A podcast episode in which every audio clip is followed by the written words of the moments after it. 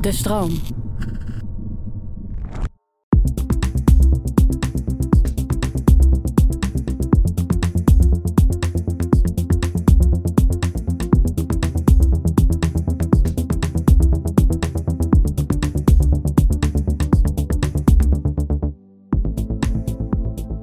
Fijn dat je luistert naar de Podcast Psycholoog. Podcast waarin ik, Marissa van der Sluis, samen met andere psychologen in gesprek ga over belangrijke onderwerpen. Om zo met z'n allen onszelf en anderen beter te leren begrijpen. Deze aflevering gaat over liefdesverdriet. Ehm, en voor dit onderwerp heb ik opnieuw Bjarne Timone uitgenodigd. Nou, de meeste luisteraars kennen hem waarschijnlijk nog wel eh, van de podcast over tips tegen somberheid. Ehm, nou, dat was zo'n goed gesprek dat ik dacht, ik nodig je weer uit, Bjarne. Fijn. Jij bent GZ-psycholoog en schrijver van het boek De Leefstijlgids tegen somberheid. Wel goed om te weten dat we allebei niet per se experts zijn op het gebied van liefdesverdriet. maar Nou, we zijn geen experts op het gebied, gebied van liefde. nee, nee. Wel van liefdesverdriet oh ja, is dat zo? Nou, dan gaan en we misère. Of niet? Dan ga ik straks eh, nog even diep eh, in vroeten, als je het goed vindt. Ja, prima. Ehm, nee, we kregen zoveel eh, vragen binnen ehm, over liefdesverdriet. Dus of we misschien een keer wat wilden maken over het onderwerp liefdesverdriet. Want eh, ja, we hebben er allemaal waarschijnlijk wel eens te maken mee gehad. Maar er is toch weinig bekend over wat je nou precies het beste kan doen als het je overkomt. Dus ik heb een aantal vragen van luisteraars. En het leek me leuk om samen met jou daar antwoord op proberen te geven. Vanuit onze eigen ervaring. Maar misschien ook eh, vanuit eh, praktijk en eh, vanuit wetenschappelijk onderzoek. Wat Mhm. we hierover hebben gevonden. Ehm, dus welkom Dankjewel. vandaag weer in de studio. Ja. Ehm, ja, hoe is het met jouw ervaring op het gebied van liefdesverdriet? Nou, gelukkig heb ik het al een tijd niet gehad. Ehm, ik zat er laatst nog over na te denken. Ik, ik wilde eigenlijk muzikant worden in plaats van psycholoog. Mhm. En dat was ik bezig om mijn muzikantencarrière op te bouwen tijdens mijn studie psychologie. En dat is eh, niet helemaal gelukt. Mhm. Ehm, maar wat ik wel altijd had, is dat eh, als ik liefdesverdriet had, Ja. dan maakte ik altijd veel betere nummers. Oh ja. Dan kon ik veel beter muziek schrijven. Dus ik vond het ergens ook wel weer heel erg inspirerend. Mhm. En ik zat laatst na te want ik maak nu af en toe nog wel eens liedjes op mijn gitaar. Ik Nooit meer zo goed. nooit meer zo als goed, omdat ik nooit meer liefdesverdriet heb. Eh, dus ik heb nou ja, weet je, gelukkig heb ik het al een tijd niet eh, eh, gehad. Mhm. Maar ik heb het zeker wel een paar keer ervaren in mijn leven. Mhm. En hoe was Het- dat? Nou, ik weet nog de eerste keer, toen was ik 12. En toen was ik verliefd op een meisje uit mijn klas, Eliane. Ja. En op een gegeven moment had ik de moed verzameld om verkering aan haar te vragen. Dus ik, dus ik ging er naartoe en ik vroeg heel klunzig, wil je verkering mij, met mij? En daarna ben ik ook meteen weggerend naar een boomhut.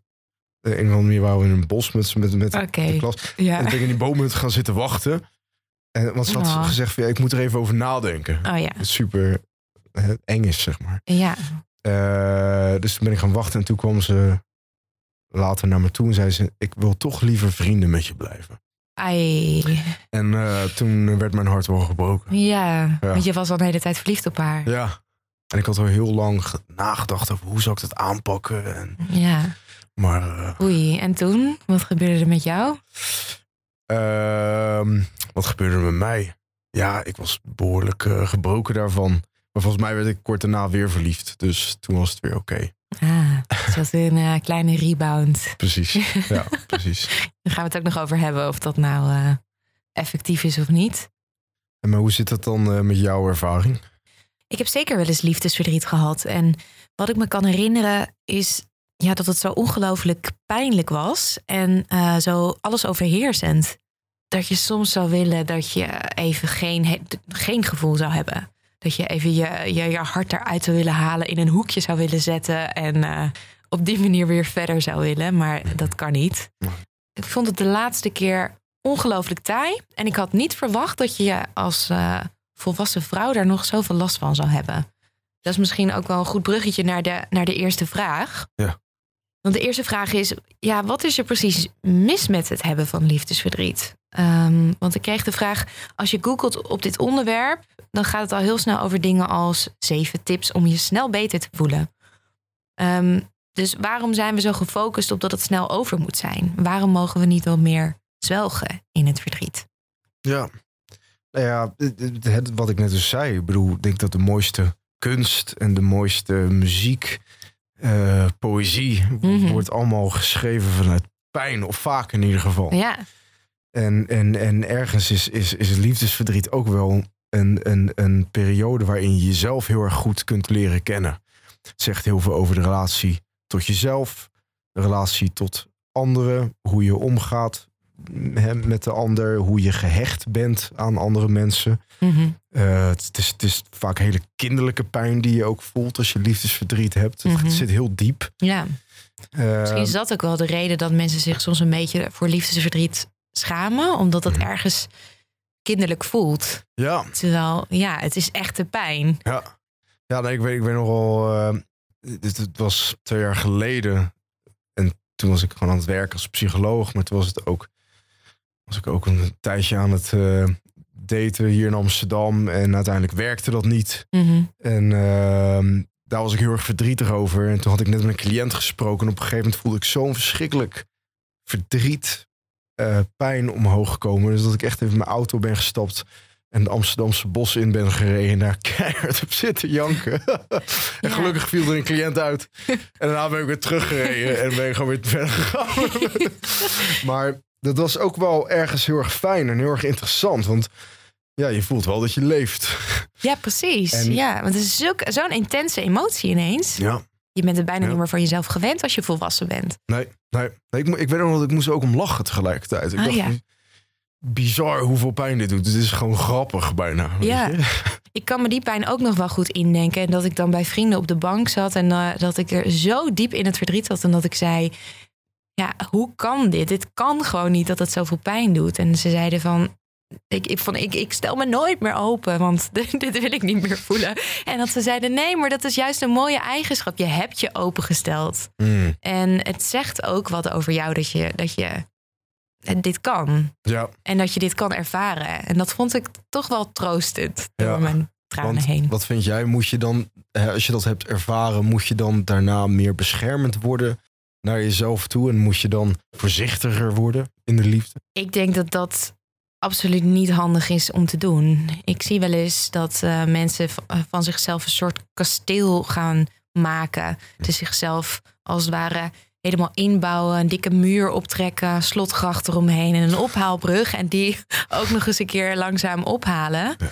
Om te voorkomen dat het nog een keer gebeurt. Maar wat dan? Ja, dan, dan durf je dus nooit meer je open te stellen of iets te voelen. Hm. En dan mis je dus ook een heleboel. Ja. Iets, ja, de, de, het liefdesverdriet is volgens mij het omgekeerde van liefde en ver- niet het omgekeerde, maar het is een soort liefde en verliefd zijn, maar dan in je face op Ja, een negatieve manier. ja het is gewoon de, de, de, ont- de ontwenning of de onttrekking ervan. Ik bedoel, liefde is de high en liefdesverdriet is de, de, de ontwenning. Precies. Dat is misschien wel eh, eh, een mooi bruggetje naar de volgende vraag die we kregen. Waarom doet liefdesverdriet zoveel pijn? Ja, dat ik- het brein maakt niet zoveel onderscheid tussen fysieke pijn en emotionele pijn. Mhm. vindt bijna beide plaatsen in de insula. Dus het emotioneel centrum in het brein. Ehm, dus ja, de mensen omschrijven liefdesverdriet ook echt als, als fysiek pijnlijk. Mhm. Zoals je gaat kijken naar, naar, naar de vertalingen van, van liefdesverdriet in verschillende talen, dan heeft het heel vaak een, een, een, een, lichamelijke eh, oorsprong, het Mhm. woord daarvoor. Dus Ja. dat het heel vaak. We hebben het natuurlijk ook heel vaak over een gut feeling. Ja. Dus dat je het gewoon letterlijk in je buik voelt. Ehm, en dat is ook zo. We vergeten heel vaak dat emoties Mhm. eigenlijk een soort van lichamelijke uiting zijn. De Ja. emoties zitten echt in je lijf. Dus, Ja. dus verdriet ook. Ja, je, je kan het echt ook voelen eh, in je keel, in je, rondom je hartstreek. Ehm, Ja. En een fysieke pijn voel je pa- vaak maar kort. Of dat duurt, eh, houdt vaak niet zo lang aan als die emotionele pijn zoals liefdesverdriet. Die kan weken en soms zelfs maanden aanhouden. En daarom is het ook zo ongelooflijk zwaar. En ja, je kan, je kan liefdesverdriet ook vergelijken met het afkicken van harddrugs. En dus op het moment dat je je relatie wordt verbroken, bijvoorbeeld, helemaal wanneer het onverwacht is, dan dalen in één keer die, al die gelukshormonen. Ja. En zit je nog wel met al die fysieke verschijnselen van die verliefdheid, bij wijze van spreken. Alleen niet meer met die, met die gelukzalige high erbij.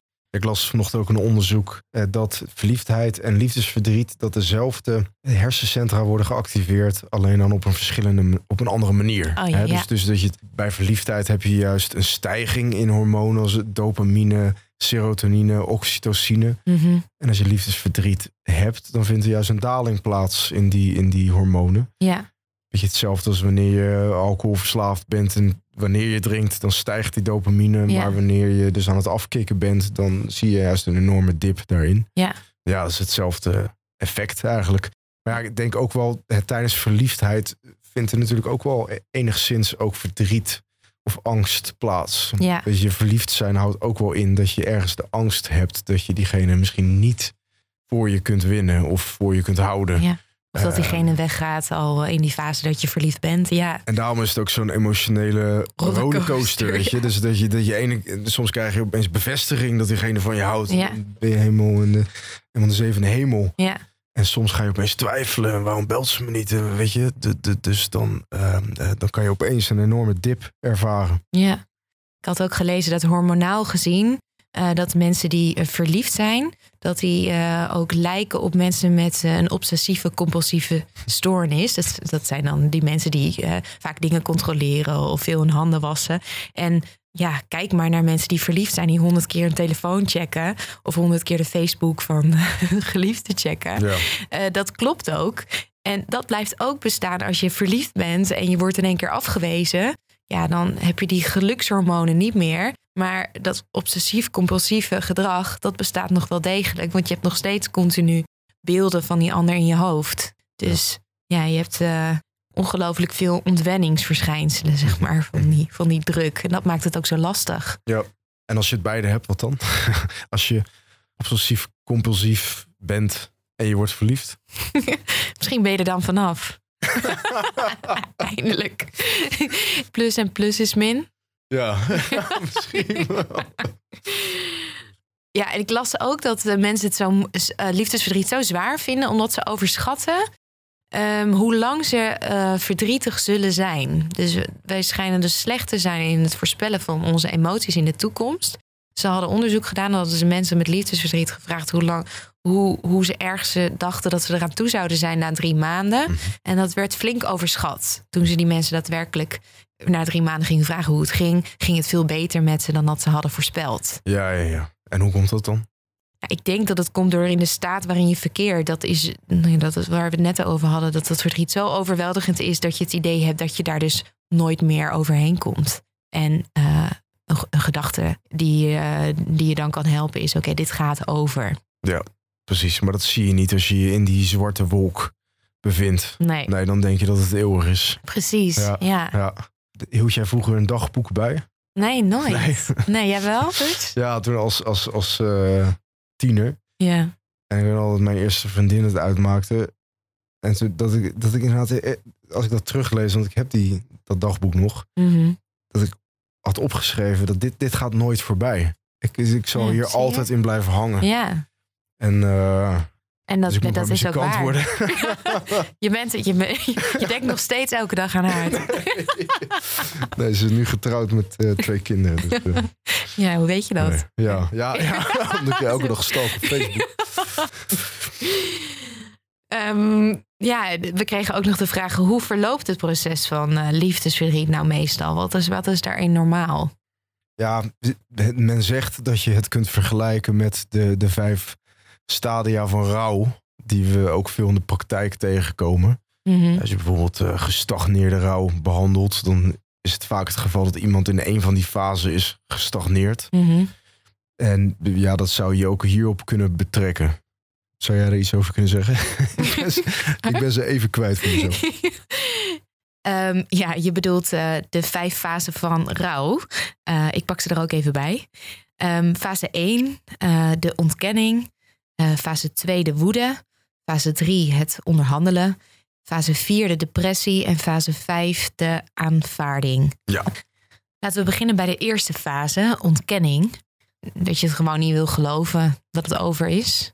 Maar dat is wel herkenbaar, toch? Ja, Ja. in eerste instantie, eh, als je het niet ziet aankomen vooral, kan je zo in shock zijn dat je het gewoon niet wil geloven. En dat is ook, dat kan ook op dat moment even functioneel zijn.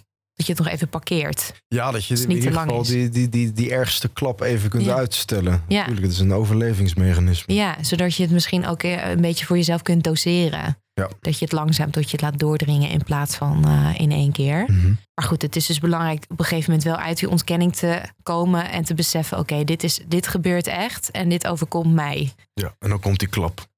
Dan is de tweede fase, maar ja, goed, dat hoeft dus niet per se zo te zijn. Dat, dat verschilt dus per persoon. Eh, maar dat zou dan woede kunnen zijn. Dus dat je heel erg boos wordt. Ook herkenbaar, toch? Ja, op de dader of op de boodschapper. Ja, of op jezelf. ja Herken ook. jij dat? Ja, zeker. Dat je, dat je, dat je dan nagaat alle dingen die je, hoe je het zelf verknald hebt. En dat je dit of dat hebt gezegd. Of, of, of oh, misschien als ik dat niet had gedaan, Ja. dan was het misschien nu nog steeds aan geweest. Ja. En, eh, die woede, die herken ik absoluut. Maar ook de boosheid van, waarom hebben we het niet geprobeerd? Weet je, waarom? Ja, Dus ik heb eh, nou, ooit wel eens meegemaakt dat het gewoon door een vrij simpele ruzie eh, uitging. Mhm. En achteraf was ik zo boos. ja. En eh, zo boos om- omdat, ja, weet je, we hebben het helemaal niet echt geprobeerd om dit te lijmen, om hier echt iets aan te doen. En, nee. Je ziet toch gewoon mogelijkheden. Je kan, je kan het dan niet hebben dat die ander daar niet voor wil vechten. Nee, precies, Ja. precies. Maar je kunt die anderen natuurlijk ook niet dwingen. Nee. En het feit dat die andere er niet voor wilt vechten, Ja. zegt waarschijnlijk ook wel iets. Ja, zeker. Maar op dat moment kan, kan, het, kan je natuurlijk wel boos over worden. Ja. Eh, je hebt dus ook het gevecht aangaan. Dus misschien is dat het. Dat je dan toch nog probeert te kijken van wat is er mogelijk. Nee, maar dus ook weet je dat je jezelf dan gaat veranderen om, om dan zo'n relatie te redden. Ja. Dat werkt nooit. Nee. Als er één ding is wat we weten in de psychologie, is dat persoonlijkheden nooit echt veranderen. Persoonlijkheden zijn vrij vast geroest, zeg maar. Ja, Je kunt wel gewoonte veranderen natuurlijk, ja, maar persoonlijkheid, nee. dat eh, forget about it. Ja, dus dan, dan als je op een gegeven moment ook merkt dat telkens maar het gevecht aangaan, dat dat, dat dat ook geen zin heeft. Ja, dan kom je waarschijnlijk in de volgende fase. En die is het moeilijkste om te voelen. Dat is namelijk gewoon het verdriet. En dat is dan de fase waarin je, ja, wat ga je dan doen?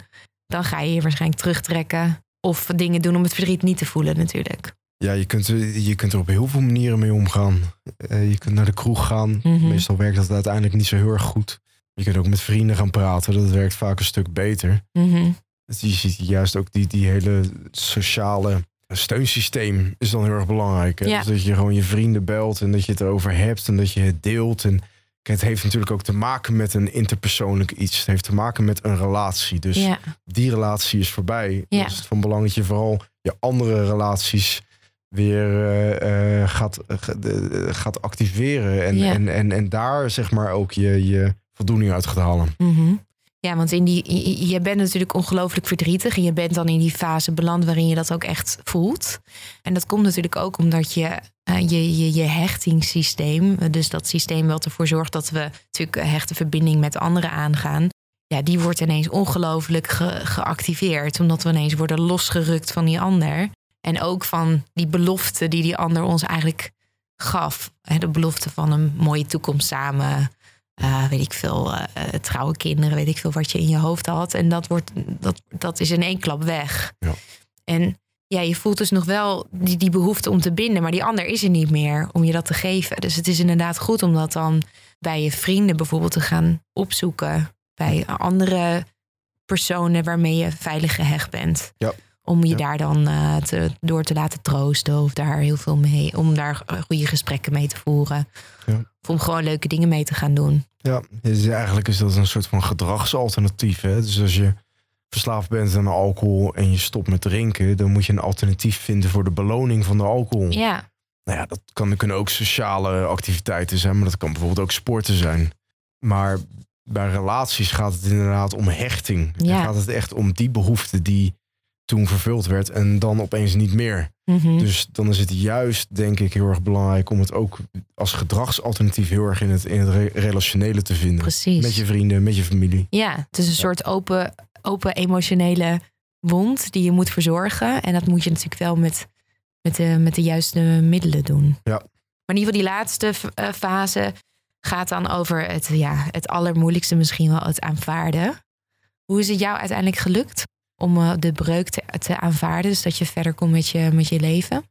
Ja, ik denk wel ook door het werk als psycholoog dat je je heel erg bewust bent van het feit dat het bieden van weerstand tegen pijn alleen maar averechts werkt. Mhm. Dus als je emotionele pijn voelt, verdriet, Ja, ja, dan kun je dat maar beter accepteren, want uiteindelijk ehm, gaat het dan ook sneller over, Mhm. paradoxaal genoeg. ja, En tegelijkertijd leer je er ook van, groei je er ook van. Weet je? Ja. Dus je, je hebt ook zo'n begrip dat heet posttraumatische groei. ja. Ja, ergens, mooi, ja. ergens is het een beetje traumatisch natuurlijk wanneer een relatie verbroken Ja, wordt. je, absoluut. wat je net zei, een emotionele wond. Ja, Ehm, en als je dat er laat zijn, en zeker als je die wond dus ook verzorgt, ja, dan, eh, dan heelt dat wel weer. En dan ben je weer net iets wijzer. En dan de volgende keer ja, stap je er misschien, misschien niet voorzichtiger in, maar wel gewoon wat wijzer stap je erin. Mhm. Dus eh, het lukt me aardig goed tegenwoordig om dat wan- wanneer dat er is, om dat te accepteren. Maar ik, ik ga wel even zwelgen in mijn pijn. Mhm. Dat, dat moet ook wel. Ja, ja ik, wat je zegt doet me denken aan iets wat ik gisteren hoorde. Iemand zei, om te kunnen loslaten moet je eerst toelaten. Nou ja, en, je, en je noemde in het begin van hoe komt het dat mensen daar zo snel overheen willen stappen. Ja, dat is ook wel een beetje de, de, de, de zeitgeist, weet je. Dat, dat, dat mensen pijn en ongemak niet meer willen verdragen. Nee, En dat we de hele tijd maar een quick fix nodig hebben voor alles wat, wat ongemakkelijk voelt. ja, En daarvoor hebben we die telefoon en, en al die afleiding de hele dag en, en, en die impulsen. ja. We hoeven ook steeds van- minder te voelen. Ja, En dan is dit natuurlijk extra heftig. dat is ook tegenstrijdig, hè? want juist dat, dat niet voelen is bijvoorbeeld een onderdeel van depressie. Ja. Een onderdeel van somberheid. Mhm. Voelen is, is ook mooi. Ja, Pijn is ook mooi. ja, maar we willen die schaduwkant niet meer beleven. En alleen maar die, die highs. Ja, ja. en dan net als eh, Icarus, Icarus, Icarus, niet ja, ja, zeg van de die, naar de, die naar de zon mythologie. vloog. Ja, En met zijn vleugels van, van was en veren. En, en die, die stort op een gegeven moment dus neer. En dat gebeurt ook wanneer we dus alleen maar op willen stijgen. Dan op Mhm. een gegeven moment dan crash je. ja, En dat zie je zo vaak. ja, Mensen willen perfect zijn in hun baan, in hun liefdesleven. Perfect overkomen op social media. En dan op een gegeven moment maak je dus een breuk mee. Of, of hè, iets ergens, nog een overlijden. Of iets wat onvermijdelijk is in het leven. En liefdesverdriet hoort daar toch eigenlijk ook wel bij. ja. En dan stort je ter aarde. Ja, maar het lijkt alsof we eh, daar niet meer op voorbereid zijn. Alsof we denken dat je wel relaties kunt hebben, maar nooit afgewezen hoeft te worden. Kan Nee. worden. Nee, dat, dat, is, dat, dat, dat is dus, vind ik nu, de tendens. Ja, eh, dat daar geen ruimte voor is. Tegelijkertijd krijgen we ook niet de tools mee als kind om daarmee om te gaan. Ik bedoel, je krijgt geen lessen cognitieve gedragstherapie op school of zo. Nee. Of acceptance en commitment therapy, weet ik nee. nee, was het maar Eh, zo. Of, eens. meditatielessen. Tegenwoordig gebeurt wel iets vaker. Ja, Maar hè, bijvoorbeeld mediteren is ook gewoon zitten op een kussen en zitten met wat er gebeurt. En heel vaak is dat pijn en verdriet. mhm. En juist daardoor zie je dat je uiteindelijk minder lijdt. Dat je Ja. minder eh, pijn ervaart. ja, dus de focus zou ook veel minder moeten liggen op het voorkomen van afwijzing bijvoorbeeld. En het voorkomen van neerstorten. Eh, Maar het veel meer accepteren dat dat erbij hoort. Als je hoog wil gaan, dat je dan ook diep kan vallen. Ja. Ik kreeg ook nog de vraag, oké, wat werkt dan averechts bij het verwerken van liefdesverdriet? Jij zei, je had het al over drinken. Ik denk dat dat wel een belangrijke is. Ik denk wat absoluut averechts werkt, is als je jezelf helemaal gaat verdoven. Als je gaat vluchten, als je keihard gaat werken, alleen nog maar uitgaat. Ik bedoel, is niet erg als je dat even doet. Maar als dat het enige is en je voelt niet meer. Ja, kijk, het is niet erg als het, als het in het kader van die eerste fase van rouw staat. Hè? Dus, dus als je even nog in die Nee. ontkenning zit, Ja. kan dat een gezonde coping zijn. Precies om het nog even weg te, weg te duwen. Ja. Precies, Maar prima. op, ja, op lange termijn eh, Op een gegeven is het niet handig. Nee, op een gegeven moment moet je gewoon onder ogen gaan zien van... ik ben hier onwijs verdrietig over en ik moet hiermee gaan dealen. Mhm. Eh, maar ja, kijk, als het net uit is en je gaat dan met je beste vriend, vriendin naar de kroeg. dat is begrijpelijk. Dat doen we allemaal. Precies, maar het actieve bestandsdeel daarin is het Mhm. gesprek dat je met, met je goede vriend, vriendin hebt. Weet je? En niet zozeer natuurlijk de alcohol. nee. Ja, dus te veel vluchtgedrag werkt niet. Maar wat werkt volgens jou nog meer averechts bij eh, het verwerken van liefdesverdriet? Te lang zwelgen.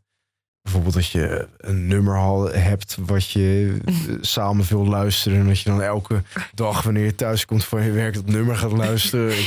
Ja, maar dus dan ga je jezelf, je- dus dan stel je jezelf juist bloot aan, eh, Ja, je stelt jezelf bloot aan, aan die dingen die met je ex eh, geassocieerd precies, zijn. cues, zeg maar, ja, die, die weer die pijn oproepen. ja, Waardoor die pijn ook langer duurt. ja. Weet je, of dat je inderdaad op, op naar foto's gaat zitten kijken. Ja, Eindeloos. precies. Oh, dat heb ik ook wel eens gedaan. Appgesprekken zo heel weemoedig teruglezen. En zo. ja, ja, ja, precies. Appgesprekken inderdaad. Ja, juist, pff, juist niet praten met mensen. Heel erg in mezelf gekeerd raken. Mhm. Dat zijn allemaal dingen die, die, die niet goed werken Nee, tegen liefdesverdriet. het, het is goed om dat af en toe te doen en even je vinger op de zere plek te leggen en even te zwelgen. Maar je, het moet goed in balans zijn met ook afleiding zoeken en je leven weer oppakken. Dus ja, ik denk herstellen van zo'n breuk. Daarbij is het belangrijk dat je allebei aandacht geeft. Mhm. Zowel de pijn, dat je daarnaar kijkt, maar niet alleen maar. Nee. Als het zoeken van afleiding, maar ook niet alleen maar. Zodat je helemaal niet meer voelt. Precies. Precies. Ehm, dus je ziet ook dat het vaak ook in golfbewegingen gaat. En dat- dat het ook vaak het rotte is. Dat op het moment dat je denkt, nou nou, begin, ik begin er overheen te raken. Ja, dat je dan een week later weer helemaal eh, gek van kan worden. ja. Maar dat, dat is gezond inderdaad, hè, dat het Ja. fluctueert. Ik- Kobe Bryant is tu- natuurlijk eh verongelukt. Ja, En eh naar heel de Verenigde Staten. In de Verenigde Staten zijn natuurlijk een enorme sportheld. En ik zat, wat interviews te kijken van andere basketballers die het over hem hadden. Mhm. Ik zat interview te, ook te kijken met eh, Magic Johnson. Dat was ook zo'n grote NBA-ster vroeger. Mhm. En eh, dat is een hele, hele vrolijke vent is dat. Echt een hele lache vent. Maar die was ook heel erg verdrietig. Dus eerst begon hij te vertellen en de, de tranen die, die rolden echt over zijn wangen. En, ehm, maar daarna maakte hij ook weer een grap. En was hij echt wel aan het bulderen van het lachen, zeg maar, weet je. Ehm, en ik vond het zo mooi om te zien. Omdat beide zijn eigenlijk hele mooie uitingen van rouw. Beide zijn hele mooie uitingen van eh, verdriet. ja, Weet je? Dus dat, het mag er zijn enerzijds. ja. Aan de andere kant bestaat er bijna geen betere coping dan humor. Mhm. Dat je er een grap om kan maken. Ja. Daarom is ook die sociale interactie zo belangrijk. ja. Dat je het met je vrienden erover hebt. Dat je er grappen over maakt. Ehm, dat heb je even nodig. Je kunt niet de hele dag alleen maar heel Spartaans met die pijn gaan zitten. Dat werkt niet. Nee. Nou ja, dus, dus hè, een van die vragen was ook van wat werkt dan wel? Mhm. Dus hoe kun je je ex-geliefde wel goed loslaten? ja, Ja, humor is dus een van die manieren. ja. Wat raad je dan aan? Nee, dus ik raad dat altijd aan. Van, spreek lekker af met je vrienden. Ga vooral niet de hele dag alleen, al- alleen zitten. Alleen Nee. thuis zitten. Maar Ook niet in een kring alleen maar praten over de liefdesverdriet. Nee. Nee, heb het misschien ook even over de ander. Ja, ja. Ehm, inderdaad. maar ook eh, als je, als je liefdesverdriet hebt, dan heb je de neiging om alleen maar te kijken naar de, eh, de mooie kanten van de andere persoon. Mhm. En ehm, je gaat die relatie, die ex-relatie, die ga je idealiseren, romantiseren. Ja. En eh, ja, dat is natuurlijk geen realistisch beeld wat je dan hebt van iemand. Nee. Dus wat ik vaak cliënten aanraad wanneer zij liefdesverdriet hebben, is om een lijst te maken met eh, negatieve kwaliteiten van die persoon waar ze liefdesverdriet om hebben. Mhm. En dan alleen maar negatieve kwaliteiten. Ze mogen even niks positiefs noemen. Ja. En stuk voor stuk geven ze aan dat het enorm helpt. Omdat Mhm. dat weer de balans een beetje terugbrengt. Ja. eh, en een wat realistischer beeld Ja. schept. En dan ben je nog steeds verdrietig, maar dan kun je het wat meer relativeren. Mhm. En er zijn echt wel andere mensen die geschikt zijn voor jou. En er, is- er is echt nog wel, je komt echt nog wel iemand tegen die leuk is, of zelfs nog leuker, Ja. die misschien niet die shit kwaliteit heeft. Ja. Ja, grappig dat je dat zegt. Want ik kom ook een andere tip tegen. En die is misschien in een latere fase, wanneer je er niet meer zo in, in, dat af, in die afkikfase zit. Ehm, dat je je ex nog niet los kan laten. Maar ehm, als, je om, als je in een latere fase bent en wel wilt reflecteren van... oké, wat maakte nou dat die ander zo ehm, aantrekkelijk voor mij was of zo belangrijk voor mij was? Waarom ben ik op diegene gevallen? Om dan ook een lijstje te maken met juist positieve eigenschappen van diegene. En als je dat dan opschrijft, dan realiseer je je vaak dat die eigenschappen ook wel in een ander te vinden zijn. Dus dan kan je soms zien, oh, dit vind ik blijkbaar belangrijk. Uh, dit zoek ik in een partner. Maar ja, dat, die, die zijn er ook bij anderen. En misschien heeft een ander niet al die en die en die negatieve eigenschap. Dus ik, ik ga gewoon verder. En ik weet nu dat ik dit belangrijk vind. Ik, ga, ik, ga, ik neem dit mee in mijn achterhoofd. Maar die persoon zelf kan ik best achter me laten. Want die is daarin niet uniek. Ja, een goede tip. Hè? Ik, ik denk dat uh, die eerste tijdens een eerdere fase van toepassing ja. is. Hè? Dus, dus dat het helpt juist om te accepteren of om Ja. die acceptatiefase, om die fase in te gaan. Ja, En ik denk dat als je eenmaal een tijdje in die acceptatiefase zit en het is allemaal wat gezakt, mhm, dan kun je inderdaad daarnaar gaan kijken. Want dan kun je ook verder met je liefdesleven. precies. Ja, want dan moet je het meer in een soort abstracte zin, moet je die eh, relatie achter je laten. En eh, ik las in, een, eh, in het boek van Jan Drost, Als de liefde voorbij is. Hij schreef ook van, het is niet voor niets, ik ga op reis en ik neem mee. Dus je hoeft niet die hele relatie in zijn geheel of die verliefdheid daar helemaal niks van mee te nemen. Het heeft, die ander heeft je waarschijnlijk ook iets gebracht. Sterker nog, heeft je misschien wel op een bepaalde manier gevormd. En dat gedeelte wil je helemaal niet achter je laten of ontkennen. Maar dat wil je meenemen. En dan is het best goed om niet een soort van oogkleppen op te hebben of te zeggen dat was helemaal stom. Nee, je bent jarenlang misschien bij iemand geweest. Maar daar ook eens bij stil te staan te kijken. Oké, wat laat ik achter me hiervan en wat neem ik mee? Ja. Nee, dat zie je natuurlijk ook vaak bij de rebound. Hè? Dus dat als, als een relatie eh, over is, dat iemand dan als rebound iemand zoekt die compleet tegenovergesteld Ja. is. Eh, Herken jij dat? Heb je dat al eens gedaan? Ja, nou, niet heel bewust. Hm. Wel kortstondig, Ja, maar niet, eh, niet dat ik heel bewust eh, op zoek ging naar echt een relatie die het tegenovergestelde was. En werkt dat volgens jou, zo'n zo'n rebound? Want die vraag kregen we ook. Eh, ja, mits je wel op een gegeven moment kunt erkennen dat het een rebound is. Sommige mensen die, die gaan natuurlijk veel te lang door met hun rebound. Ja? En Ja, vertel, hoe ziet het er dan uit? nou ja, eigenlijk stagneer je dus dan in een van die fasen waar we het net over hadden. Dus dan zit je nog steeds in de, in de weerstand. Ja, eh, of nog in de boosheid juist. Het is natuurlijk ook best wel een agressieve daad om iemand uit te kiezen die compleet tegenovergesteld is. Vaak willen ze diegene dan ook nog showen aan, aan, die, aan die persoon. Hè, van, nu heb ik wel iemand die avontuurlijk is. Of, weet je, nu heb ik wel iemand die geld verdient. Eh, dus er zit heel veel agressie die achter. arme rebound ook. Ja, ja, ja, ja, die, Nee. ja.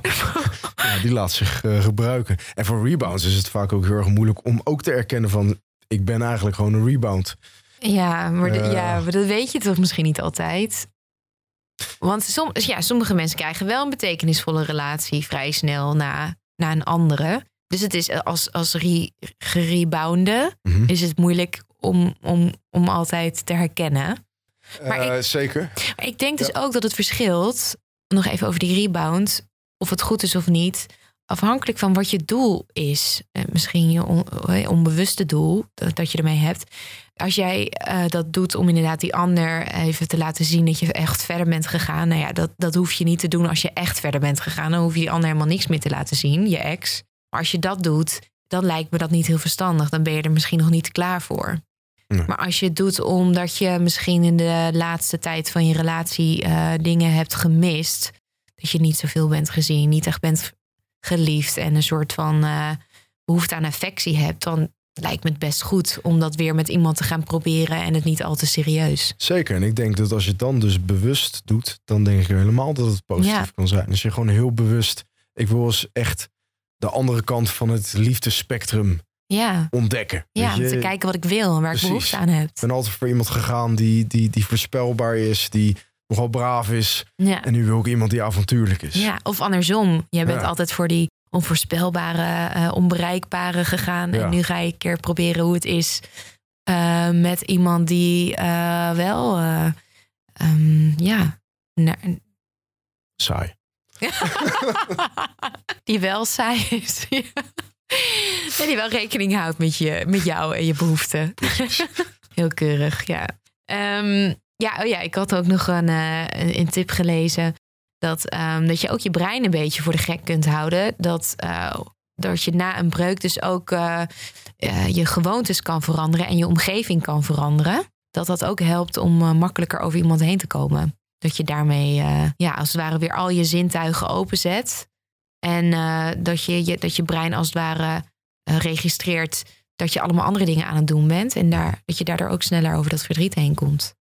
Ja, en ik denk ook, zeg maar, het, brein functioneert natuurlijk op cues. Dus, mhm. dus op allerlei signalen uit de dagelijkse omgeving, waardoor het weet hoe het moet denken en voelen. Ja. En, en als er nieuwe cues zijn, ja, dan, dan is er nieuwe input. Ja. Dan is er ook nieuwe output. Ja. He, dus, dus heeft ook weer te maken met die verkeerde manier waarop we er vaak mee omgaan. Dus dat we naar foto's gaan kijken, ja.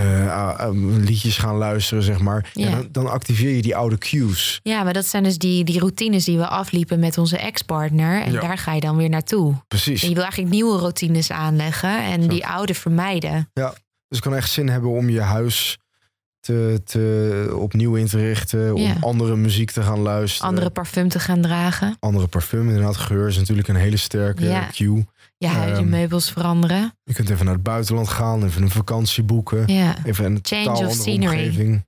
Dat, dat werkt. Ja. En veel mensen vragen mij ook, ja, hoe kan je dan loslaten? Want hè, je hoort dan vaak, ja, maar je moet nu loslaten. Maar ja, hoe doe je dat dan? Heb jij daar nog een tip voor? Ja, ik denk dat loslaten ook een proces is dat, dat, dat, dat gebeurt. Het heeft ook tijd nodig. En, en ik denk dat, het eerder, dat er eerder sprake van is dat we dit, dat proces tegenhouden. Mhm. Dan dat je dat proces moet gaan versnellen. Ja. Weet je, dus ik denk dat je beter kunt zeggen, is van stop met weerstand bieden. Mhm. En dat loslaten komt vanzelf wel. Ja. Ik bedoel, mensen houden niet voor hun plezier vast aan pijnlijke emoties. Nee. Dat, dat, dat doe je niet voor je plezier. Dus je kunt veel beter kijken naar wat zijn nu eigenlijk de instandhoudende factoren uh, van dit gevoel. En hoe kan ik ervoor zorgen dat ik die kan gaan vervangen voor uh, bevorderende factoren. Ja. Voor mijn herstel. Ja. Ik moest ook wel, uh, toen ik zelf liefdesverdriet had, denken aan de film Eternal Sunshine of the Spotless Mind. Waar er dus twee geliefden zijn en er komt op een gegeven moment een breuk. En um, die man besluit om uh, zich een soort van te laten hersenspoelen. Ken je, ken je die film? Ja, fantastisch. Ja, nou, en terwijl hij dat aan het doen is, wordt hij dus eigenlijk door al zijn herinneringen met zijn ex-vriendin, met zijn ex-vriendin geleid. En beseft hij zich, terwijl ze worden gewist, van maar dit wil ik eigenlijk helemaal niet. En de, de laatste keer dat ik liefdesverdriet had, had ik hetzelfde. Ik wilde er ongelooflijk graag vanaf. En terwijl het gebeurde, dacht ik, ja, maar nee, want dat betekent dus ook op een of andere manier dat ik het dan loslaat en dat het dan ook definitief dan straks uit mijn hoofd is. Dus ik wilde het wel en niet.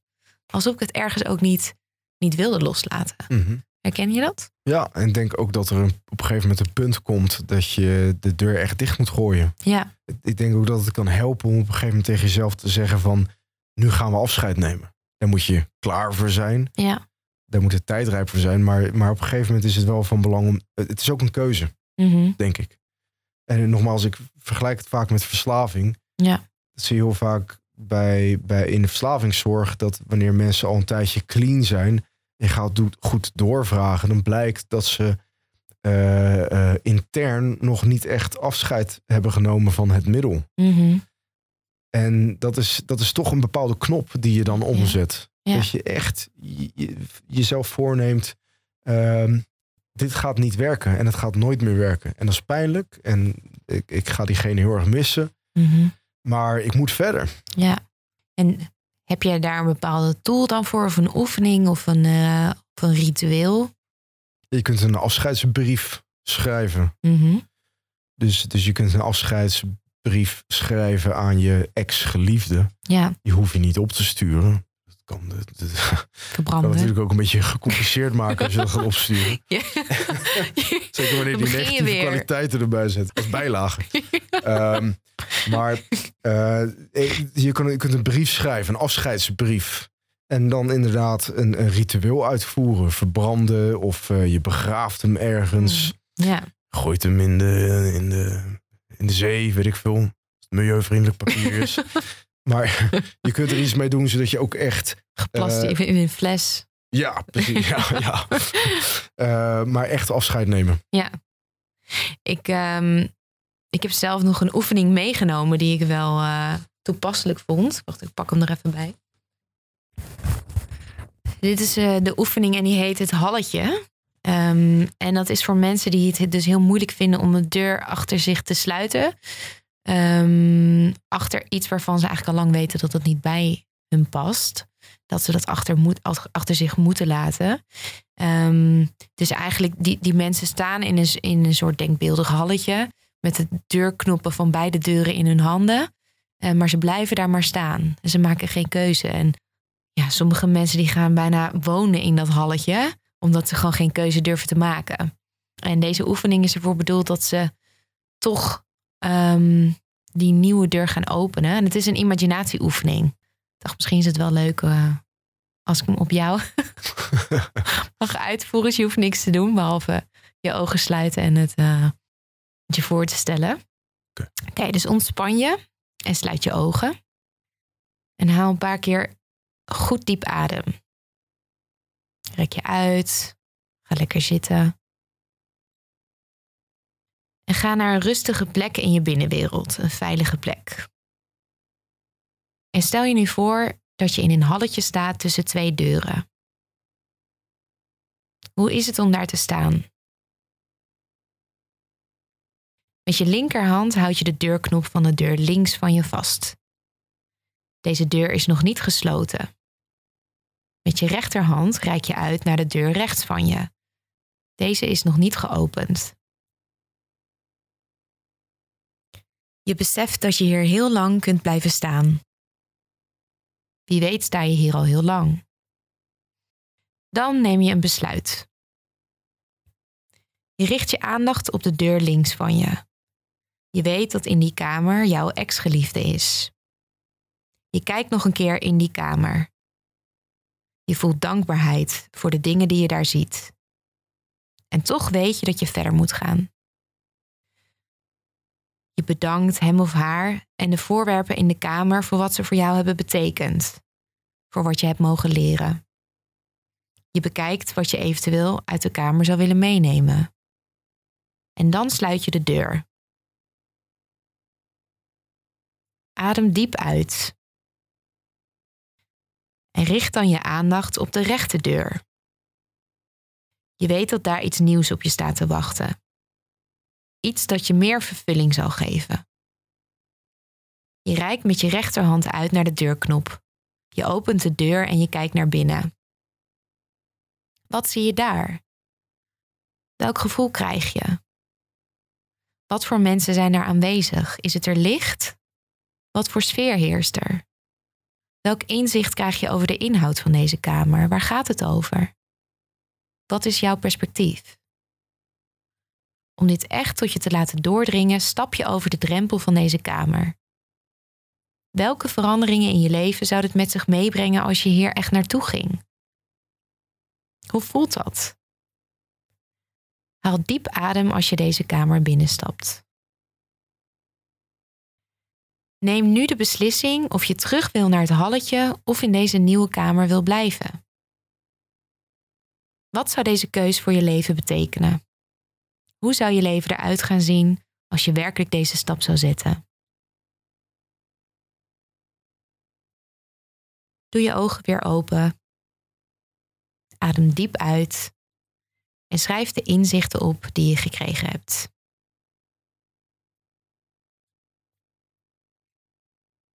Dat is eh, de oefening van het halletje. Mooi. Hoe was dat toen je dat deed? Ja, interessant. Ehm, het is wel fijn om nog even in dat oude kamertje te kijken. Eh, zodat je die, die deur ook niet hè, moet, hoeft, dicht te klappen. Mhm. Maar dat je even op een waardige manier afscheid kunt nemen. Ja, En inderdaad ook iets meeneemt uit, eh, uit, eh, uit je vorige relatie. En dat je je dan ook vooral beseft, tenminste dat had ik dan, welke waarde je wilt meenemen naar de volgende. ja, En ehm, ja, die, die, die Tweede Kamer was ook wel een stuk lichter, een stuk meer volwassen of zo, voelde het aan. Mhm. Eh, dus dat was wel fijn. Dus dat was, was, was, het was goed te voelen. Ja. Dan zijn we zo'n beetje aan het einde gekomen. Hebben we nog vragen liggen? Nou, er was één vraag, of de laatste vraag. Wanneer zoek je professionele hulp? Mhm. Nee, daar, daarvoor kun je wel hetzelfde criterium hanteren als bij rouw hè, of Mhm. bij somberheid. Ja. Als je langer dan twee weken je echt bijna continu somber voelt, verdrietig voelt, dan heb je eerder te maken met een depressie Ja. waarschijnlijk ehm, dan liefdesverdriet. Mhm. Ook al komt het oorspronkelijk door liefdesverdriet, maar dan wordt de kans dat je er zelf uit gaat komen wordt steeds kleiner. Mhm. Dus mijn advies zou zijn dat als je langer dan twee weken je zo voelt. En echt continu, hè, zonder dat je die lichtpunten hebt en dat die lichtpunten ook niet steeds groter worden, want dat is de bedoeling. Ja. eh, ga dan even met iemand praten. Ja. Kijk, het hoeft niet meteen eh, intensieve therapie te zijn, maar je kunt ook naar je huisarts gaan. Misschien heb je een hele goede huisarts die even een luisterend oor kan bieden en dat dat Mhm. al eh, oplucht. Ja. Vaak heb je ook een praktijkondersteuner bij de huisarts. Nou, dan heb je dan even een paar gesprekken mee. Misschien werkt dat. En misschien is het wel zo dat je toch therapie eh, aan moet gaan. Kijk, Ja. kijk zo'n relatie kan ook een, een trigger zijn eh, voor allerlei, onder, eh, allerlei onbewuste patronen. Ja. Soms, soms komt er meer boven dan alleen maar die relatie. ja, Oude pijn. En- precies. Dus dan kan je Ja. beter die kans grijpen om daar ook echt iets constructiefs mee te doen. Ja. in therapie te gaan. Omdat als je dat niet doet, dan ga je die patronen ook later in je leven weer terugvinden, Ja. tegenkomen. Ja. Dus dan is het juist ook. Dan is zo'n breuk ook juist een betekenisvol moment geweest om, eh, om daar aandacht aan te besteden. En er eigenlijk in, in, in zijn totaliteit beter uit te komen dan toen je, er, toen je erin ging. Ja, dat is de bedoeling. Ja, dat lijkt me een mooie laatste tip. Nou, tot zover eh, deze podcast over liefdesverdriet. Ehm, bedankt voor je komst en eh, fijn dat je hier eh, met mij eh, je ervaringen wilde delen en eh, over dit onderwerp eh, wilde praten. Graag gedaan. Wil jij na het luisteren van deze aflevering nog meer leren over psychologie? Word dan lid van onze club op depuodcastpsycholoogclub.nl en ontvang elke maand bonusmateriaal bij de podcast en een door mij persoonlijk ingesproken ontspanningsoefening.